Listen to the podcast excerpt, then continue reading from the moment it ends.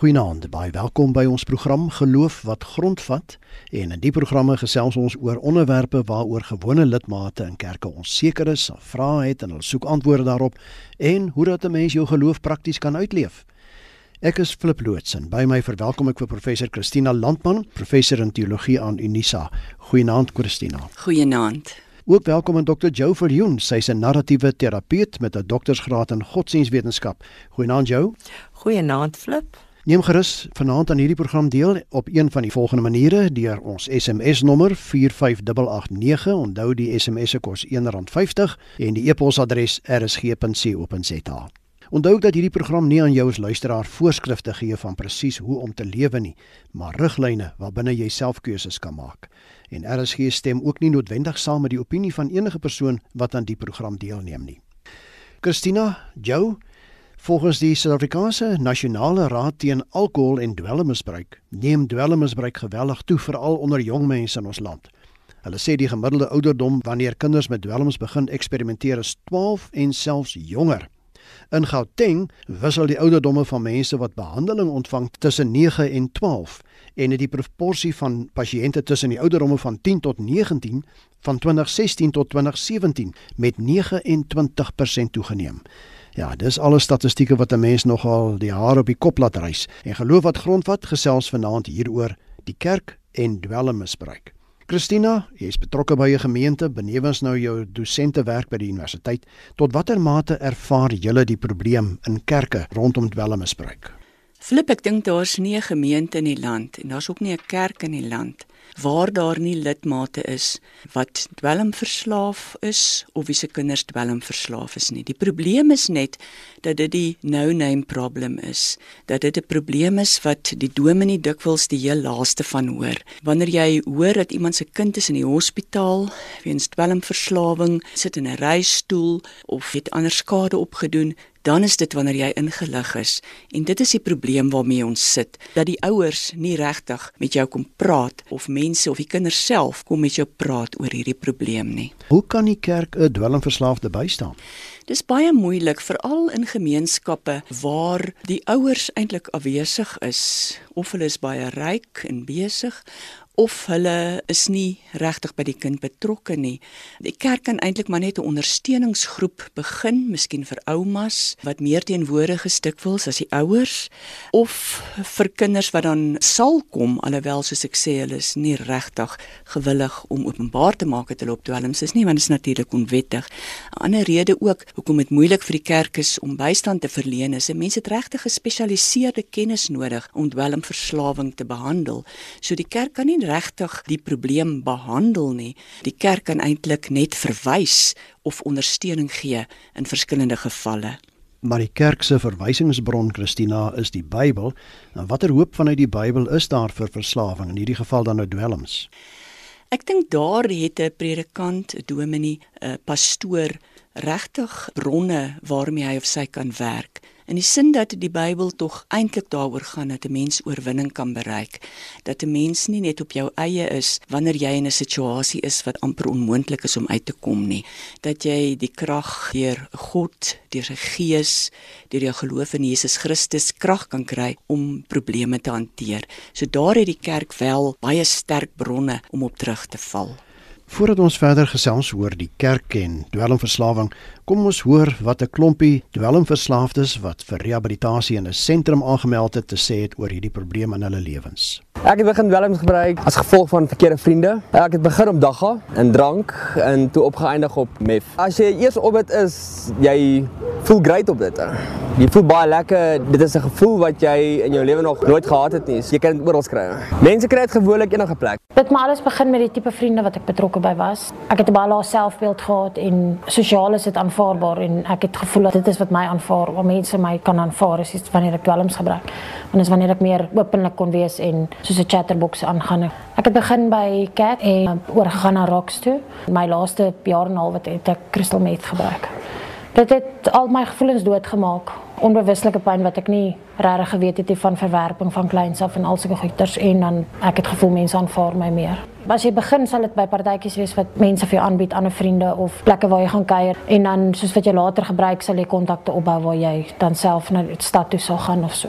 Ek het met verkeerde mense die mekaar geraak na my egskeiding en begin gebruik om dit te beproef of te toets. Ek het begin op ecstasy daarna het ek cat begin vat en ek het geëindig op crack, cocaine, rocks soos hulle dit noem op die straat. Jy escape die realiteit met dwelms en jy's heeltyd hoog en jy's gelukkig. Maar as jy downer slaan en depressief raak, kan dit vir jou baie nadelig raak. So eventually soek jy die hele tyd daai goeie gevoel en jy's gejaag dit en dis waarna toe jy gaan. Dit is oral beskikbaar. Nagklubs, kroë, garages, as jy by garage stops, kan jy mense vra om dit kry.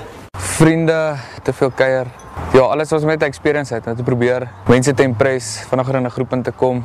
Later gee ek my ouers almal die verskoning dat hulle die probleem was. Ek's verslaafd aan heroïne gewees, maar het alles probeer, cat, coke, dagga, alles. Vat jou agteruit. Ek dink dit vat dilute jou, jou hele jou gedagtes, jou mens wees. Dit steel wie God jou gemaak het om te wees. Is heeltemal die teenoorgestelde van wat jy wie en wat jy moet wees. I started using drugs through my friends and peer pressure. I was using heroin. I started using dagga. That's when like I was introduced to heroin and then I would take crack sometimes. The feeling was nice. Hitting someone or using let's say corporal punishment doesn't help a lot. Ek het dit begin gebruik omdat ek glo ek het iets daarin gevind wat ander mense soek dalk in die Here of in die kerke jy vind daai kamstige geluk in dwelms. Of dit laat jou gemaklik voel waar jy is en wie jy is en wat om jou aangaan. In die begin you, you don't see the damage it causes. You don't see the destructiveness. Jy sien nie hoe destructief dit is in jou lewe en ander mense se lewe nie. In die begin is dit nice. Ek het begin met weed rook en ek het geëindig met heroin. Die rehab help nie. Ek glo nie daarin nie. Ek glo ek glo regtig nie die Here kan help daarmee drugs soos weed en crystal meth en LSD en daai tipe goed, dit is alles emotional goeders. Dis erg, jy wil net daai volgende fix hê om jou beter te laat voel. Maar dit is nie 'n lewe nie. Ek eh, wil teen dit beklei so meer as moontlik want ek wil nie daai lewe hê nie. Jy moet rock bottom hê en self besluit. Okay, ek wil nie meer dit hê vir my lewe nie. Jy moet self daai keuse maak. En al is dit net die Here of God wat jy het om uit toe te reik, jy weet, doen dit. Baie interessante stellings wat 'n klompie van hulle maak, Joe, wil jy daarop reageer? Dis baie interessant dat die onderwerp van die vriendekring heeltyd opkom en dat hulle deel was van 'n groep vriende wat verkeerd was. Onderliggend daaraan is dit die behoefte van elke persoon om erns te behoort en waardevol geag te word en dan ongelukkig vind jong mense hulle self weer en weer betrokke by 'n groep vriende waar dwelms misbruik word. Jou terwyl jy in die woord is, Hoe behoort ouers en familielede op te tree teen dwelmverslaafdes? Ek dink die belangrikste is bewusmaking by die ouers dat hulle besef dat hierdie probleem wel hulle kinders ook kan affekteer. So hulle moet met hulle oogies ooploop en hulle moet hulle self oplei dat hulle kan verstaan hoe lyk dwelmverslawing. Baie ouers kom by my en sal dan sê ek het nooit gedink dit sal met my kind gebeur nie. Dwelmmisbruik is een van daai probleme wat glad nie grense het nie. Geen nie om of jy ryk, arm, slim of dom, watter rassegroep ook al, watter ekonomiese status ook al. Dit is een van daai gelykmakende probleme. Ouers is baie bang vir die dwelmmisbruik. Hulle is bang vir die stigma en ek wil ouers aanmoedig om vroeg op te tree. Raak bewus van die probleem en neem jou kind vir hulp. Moenie wag nie. Ek wil hierso inkom. Dit klink nou na ideaal om vir die ouers te sê, maar hou jou oë oop en wanneer jy sien hierdie probleem is daar, vat jou kind vir behandeling. Maar die punt is, daai kind gaan nie erken dat hy dwelms gebruik nie. Daai kind gaan nie gewillig vir behandeling nie. Wat maak jy dan? Dit is baie keer so dat kinders nie vrywilliglik aanmeld vir rehabilitasie of vir hulp nie. En ouers moet maar net vas staan want regtig as jou kind in die vuur spring en jy doen niks daaromtrent nie, gaan hy verbrand. So dis een van daardie lewe en dood situasies. 'n Mens moet hierdie ding vroeg vang. Ons het geluister na 'n klompie van hierdie jong mense en nie so baie jonk meer nie wat in die sentrum is waar hulle behandel word, Joe. Nou is dit maklik vir hulle om te sê, "Vriende het my hier ingelei." Is dit so eenvoudig? Waarom gebruik mense dwelms? Hoe word jy daaraan verslaaf? Waarom gebruik mense dwelms? Hulle gebruik dit om lekker te voel. Hulle gebruik dit om meer pret te hê as wat jy kan hê sonder dwelms. Hulle gebruik dit om aanvaar te voel in die vriendegroep, om deel van die populêre groep te wees. Hulle gebruik dit, weet jy wat, tot die mate dat dit kattekwaad geword het. Dit is 'n stoute ding wat 'n mens doen. Maar die dwelms is een van daai goed wat nie net by kattekwaad stop nie. Baie jong mense probeer dit net een keer, twee keer. Dis nie te sê dat hulle dan afhanklik is daarvan nie. Ek wil ook sê ek dink dit is nie maklik om vandag 'n jong mens te wees nie ons as ouers of ons as dominees weet nie altyd waaraan hierdie kinders uitgelewer is dag na dag by die skool, na skool, op die media waaraan hulle blootgestel is nie. Ons het nie 'n benul in watter wêreld hulle lewe nie. Ek stem met jou saam Christina, ons het nie 'n benul nie. En onthou die kind sal sy geheim van sy dwelms baie groot geheime want die kind se grootste vrees is om sy ouer te leer te stel. Ja, en ek dink ook die ouer wil nie die dominee teleurstel nie. En daarom kom hierdie inligting ook nie by die dominee uit nie. As die dominee dan ook sy vaardighede het hoe om dit te hanteer. Ja, al het die dominee net 'n verwysingsbron. As iemand by die dominee sou aanmeld dat dominee die persoon na die regte plek toe kan verwys vir die regte hulp. Dit is RSG met die program Geloof wat grondvat. Ons gesels vanaand oor dwelmmisbruik in die kerk. En my gaste is professor Christina Landman en Dr. Jo Viljoen. En luisteraars kan gerus saamgesels, gebruik ons SMS nommer 45889. Onthou net die SMS se kos R1.50 of kontak ons per e-pos rsg.co.za en net aan die einde van die program gee ek ook ons gaste se kontakinligting. Joe, hoe weet iemand dat hy of sy verslaaf is aan 'n bepaalde middel? Want ek kom agter baie van die mense ontken dit. Ja, 'n persoon word nie eendag wakker en sê o, ek gaan nou moeite doen om 'n dwelmafhanklike te word nie. Die dwelm bekruip hulle eintlik sonder dat hulle dit weet. Baie mense wil ophou, maar hulle weet nie hoe nie. En as daai ding gebeur dat jy wil ophou en jy weet nie hoe nie en jy probeer op jou eie, maar jy kry dit nie volhoubaar reg nie, dan moet ons weet dat daar 'n afhanklikheid aan die vorm is. Ja, daar's 'n Japaneese spreekwoord wat sê eers vat jy 'n drankie en dan vat die drankie jou. Alhoewel ons vandag nou meer praat nie soveel oor drankmisbruik as dan oor dwelmverslawing nie. Maar dit is so dat 'n mens nie self altyd kan oordeel wanneer is jy nou 'n prooi eintlik en kan jy nie meer uitkom nie, net jy hulp nodig nie. Hmm. Maar luister sulke mense na ander Christina as hulle vir jou kom sê jy's nou verslaaf. Ja, dis die probleem waaroor ek nou die hele tyd praat, is dat mense kan sê jy moet nou jou oë oop hou en jy moet sien wanneer hierdie kind nou swaar kry. Wat doen jy daaraan? Waar ek bly, sien ek dikwels kinders, wel ek vermoed hulle gebruik dagga, hulle het 'n pyp tussen hulle. Wat gaan ek maak? Gaan ek daar tussen instap? Dit is baie gevaarlik om dit te doen. Ek sal ook nie weet hoe om die situasie te hanteer nie. Ek kan nie daar instap en sê, "Luister, gee nou vir my daai pyp en kom klim nou hier in my kar. Ek vat julle nou na die kliniek toe nie. Dit gaan nie so werk nie." Ja, dit sal goed wees as die klinieke baie meer verbaal is oor die hulp wat hulle kan bied want nie almal het die gerief om na 'n privaat rehabilitasiesentrum toe te gaan wat baie geld kos nie. Ek het baie plakkaatjies wat ek agter in die kerk sit oor dwelmmisbruik wat baie toeganklik geskryf is. Mm. En ek sien tog dat nou en dan 'n ma of 'n kind dit as niemand kyk nie, gou-gou in die handsak sit of onder die baadjies sit en tog gaan lees. Kom ons raak 'n bietjie prakties jou. Daar word baie oplossings en hulp aangebied vir die genesing van dwelmverslaafdes. Jy het ook nou na sommiges verwys. Watter daarvan sou 'n mens as korttermyn oplossings sien en watter as langtermyn oplossings? Ek wil eerstens sê dat ons is baie dankbaar dat die mediese fondse hierdie as 'n werklike probleem aanvaar en dat die meeste mediese fondse vir ten minste 21 dae se behandeling betaal. Dit is 'n groot sprong vorentoe in 'n dwelmrehabilitasie. Maar 'n 21 dag program is regtig net 'n poging om die toksisiteit uit die persoon se liggaam uit te kry, in 'n bietjie van 'n struktuur te laat funksioneer, 'n paar groepe te doen en dan word hulle ontslaan. Die regte pad om dan te volg is heel waarskynlik om na 'n meer langtermyn rehabilitasieprogram te kyk van 9 tot 12 maande. Dit is gewoonlik baie duur maar definitief is 21 dae nie voldoende om iemand te rehabiliteer nie.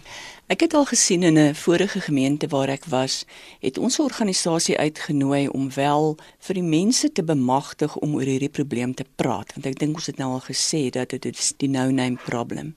En hulle was briljant. Eers wou niemand kom nie. En toe ons die werkgewers gaan vra en sê stuur asseblief van julle mense. En hulle het toe gekom en wat hierdie mense gedoen het, is hulle het vir hulle klein toneeltjies gegee om op te voer dat hulle self die probleem opvoer. Hoe gaan jy vir die dominee vertel jy's dwelm afhanklik of jy het hulp nodig of jy dink jy wil uit hierdie vriendekring uitkom? Sulke tonele het hulle vir hulle gegee om op te voer. En so het hulle eintlik in 'n manier 'n stem gevind om hierdie probleem te hanteer. En toe dit amper, ek kan nie sê dit het mode geword nie, maar dit het 'n moontlikheid geword in daai spesifieke samelewing om dan daaroor te praat. Dit is selfs. Maar dit is die uitsondering en dit was werklik 'n baie baie uitstekende groep wat hierin beweeg het en met die jong mense gewerk het. Ek hoor by sommige ouers dat dit maar vir hulle moeilik is om met 'n kind of 'n jong mens wat dwelmverslaafd is saam te lewe. Daar word goed gesteel en verkoop om natuurlik hierdie ding aan te hou. Jou, hoe goed of sleg is dit vir so 'n ouer byvoorbeeld om iemand wat dwelmverslaafd is weg te jaag of ernstig te tug as so een byvoorbeeld nog in die huis bly? Ja, dit is 'n baie groot probleem en ons moedig maar die ouers aan om in liefde saam met die kind dan reëls daar te stel waarby almal moet hou. Maar die reëls moet maar konsekwent toegepas word. Een van die groot probleme is dat die ouers dan amper soos valke word in die kind met die dwelmprobleem heeltyd dophou. So trek die dwelmprobleem in die familie in, in die gesin in en affekteer die ma en die pa net so erg as wat dit die kind affekteer. Die ouers gebruik nie, maar hulle is net so betrokke by hierdie probleem as die persoon wat die middels gebruik. So ons glo as ek dit in Engels mag sê, the opposite of addiction is connection En in ons program wat 'n buitemuurse program is, 'n gemeenskapsprogram, help ons ouers om die verhouding met hulle kinders te behou, maar nie die verhouding met die probleem in stand te hou nie.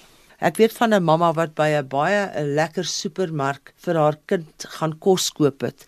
En eers na 'n rukkie het sy agtergekom dat hierdie kos glad nie gaar gemaak word in die kind se huis nie, maar dit net so vir die dwelmhandelaar gegaan het. 'n Mens moet nie die streke van die probleem onderskat nie. Ek dink Joe as ek reg is, werk jy met mense wat miskien 'n hoër inkomste het. Ek het uh, lank by 'n hospitaal gewerk waar daar baie baie arme mense gekom het en dan veral enkel ma's of dan dubbelouers waar die ma die ma en die pa moet wees. En, en hulle het almal dieselfde probleem gehad. Die kind gaan op dwelms dan wil hy geld by haar hê. Sy het nie geld nie of sy weerhou die geld dan steel hy goed in die huis. Die volgende ding steek sy die goed weg en dan slaan hy haar. Dit is nie 'n maklike situasie daai om te sê nou is die reëls in hierdie huis en nou gaan almal so en so maak nie. Dit is 'n ernstige probleem en toe ons probeer om 'n uh, ondersteuningsgroep te stig en die ma's was gewoond te skaam om te kom om te sê hoor hier my kind slaan my want hy's op dwelms en hy probeer op daai manier geld kry. Maar ek wil tog beklemtoon watter sosio-ekonomiese groep jy ook aan behoort om daai kind nie weg te jaag nie. Mm. Want daai kind gaan as sy 'n dogter is, gaan staan sy op die hoek van die straat. Daar is mense wat haar oppik en vir hulle laat werk en baie keer word sy 'n prostituut net vir die dwelms en die geld wat sy kry vir dwelms daar en uiteindelik land sy in die tronk dis nou nie iets wat ek uit my duim uit sê en dis iets wat ek elke dag sien so jy moet maar net aanhou en aanhou by daai kind betrokke bly om daai kind weg te jaag en te sê nou maar sorg vir jouself en dan sal jy sien wat is verantwoordelikheid en dan sal jy jouself omdraai dit is nie hoe dit werk nie. nee dit is nie hoe dit werk nie ons glo dat ons ouers kan help om gesonder verhoudings met die kinders te hê en dat hulle die kind en die probleem as twee aparte entiteite sien. Maar jy weet as kinders wat dwelms gebruik en in die huis woon, die ouers aanrand of hulle besteel, dan is dit 'n kriminele oortreding. So ons huiwer glad nie om vir die ouers te bemagtig om dan maatskaplike dienste in te roep of die polisie in te roep as hierdie goed gebeur nie. Want sonder veiligheid kan jy nêrens vorder nie. 'n Mens het veiligheid nodig in jou huis, in jou omgewing en in jou verhoudings. As die probleem dan by die familie veiligheid steel, dan moet ons na 'n tweede stap van aksie toe oorgaan. Kom ons kyk so 'n bietjie vinnig na 'n klompie van die SMS'e. Ek het hier 'n interessante SMS wat ek sien van anoniem van Brackenfell jou. Sy vra, ek weet nie of dit sy of hy is nie, maar is dagga ook 'n dwelmmiddel en kan 'n mens daaraan verslaaf raak? Dagga is definitief 'n dwelmmiddel. Dit 'n psigoaktiewe effek en 'n mens kan definitief daaraan verslaaf raak. Dit is ook een van die deure wat jy oopmaak na die dwelmwêreld toe. Alkohol en dagga is jou deure wat jy oopmaak na die dwelmwêreld toe. Ek kan ook net sê ek het nogal redelik baie oor dwelms gepraat met die mense in my gemeente. En die eerste ding wat hulle sê is hulle betreur dit dat daar gaan nou in sekere forme wettig is want dit maak dat hulle regtig nie daarteen kan optree nie en die kinders nog meer weerloos is in die gebruik daarvan. Ek dink die volgende SMS kom seker van 'n matrikulant of 'n skoolkind. Jan, watter skade kan opkikkers aan my doen in eksamentyd of kan ek daaraan ook verslaaf raak? Mens kan definitief aan opkikkers verslaaf raak. Daar's 'n baie lelike praktyk wat nou al jare sy kop uitsteek by skole en universiteite waar leerders dan voorskrifte kry vir stimulante by hulle dokters en dat hulle die pilletjies onder mekaar verkoop sodat hulle almal wakker kan bly vir die eksamen. So dit maak die deur oop na middels soos cat en tik en kokain. En dan sê Louise van Waterval Boefen, is daar gevaar daarin om byvoorbeeld slaappille oor die toonbank in die apteek te koop en te gebruik? Jy weet daar's altyd 'n gevaar om enige pil oor die toonbank van die apteek te koop want alle medisyne het neeweffekte. So ons lewe mos in hierdie kultuur waar ons glo ons kan nie van self beter word nie. Ons moet altyd iets inneem of iets drink om beter te voel en slaappille oor die toonbank enige pille wat jy oor die toonbank gebruik en dan misbruik is 'n probleem. Ek dink 'n vraag wat by baie van die persone wat dwelms gebruik opkom is die ene wat Lukas vir ons hier aangestuur het per SMS. Kan 'n mens ooit heeltemal oor dwelmverslawing kom? Jou sê hy dink aan heroïne. Ek glo 'n mens kan. Ek dink dit is 'n baie moeilike pad om te stap. Soos ek voorheen gesê het, niemand besluit hulle wil as 'n loopbaan verslaaf te wees nie, maar dan moet 'n mens besef dat dit nie altyd 'n reguit pad is nie en dat van die persone soms terugdraai wanneer die heroïne hulle sou terugnooi. Die ander probleem is is dat dwelmmisbruik so geïnfiltreer is in ons samelewing en so normatief geword het dat dit vir mense baie moeilik is om dit prys te gee. Ja, kom ons begin saamvat kollegas. Jou, watter gevare skuil daar in dwelms as so in die algemeen kan praat? O, ek dink 'n uh, verlies van 'n mens se algehele gesondheid, jou fisiese, psigiese, sosiale gesondheid, jou intellektuele vermoëns, dit het 'n vreeslike effek op verhoudings en op finansies. Baie slegte effek op werk werksverrigting en produktiwiteit. So dit laat 'n mens dalk vir die oomblik lekker voel, maar die oorgrootte effek daarvan is baie sleg. En dan kan dit natuurlik die einde van jou lewe beteken al is dit nie net deur 'n oordosering nie maar deur orgaanversaking en dan baie van die persone wat so magteloos voel wend hulle tot selfdood. Christina, jy het nou verwys na die impak wat dwelms op die gemeenskap kan hê, maar hoe voel jy daaroor dat die kerk miskien hierdie tipe dinge kan teewerk en indien wel op watter manier?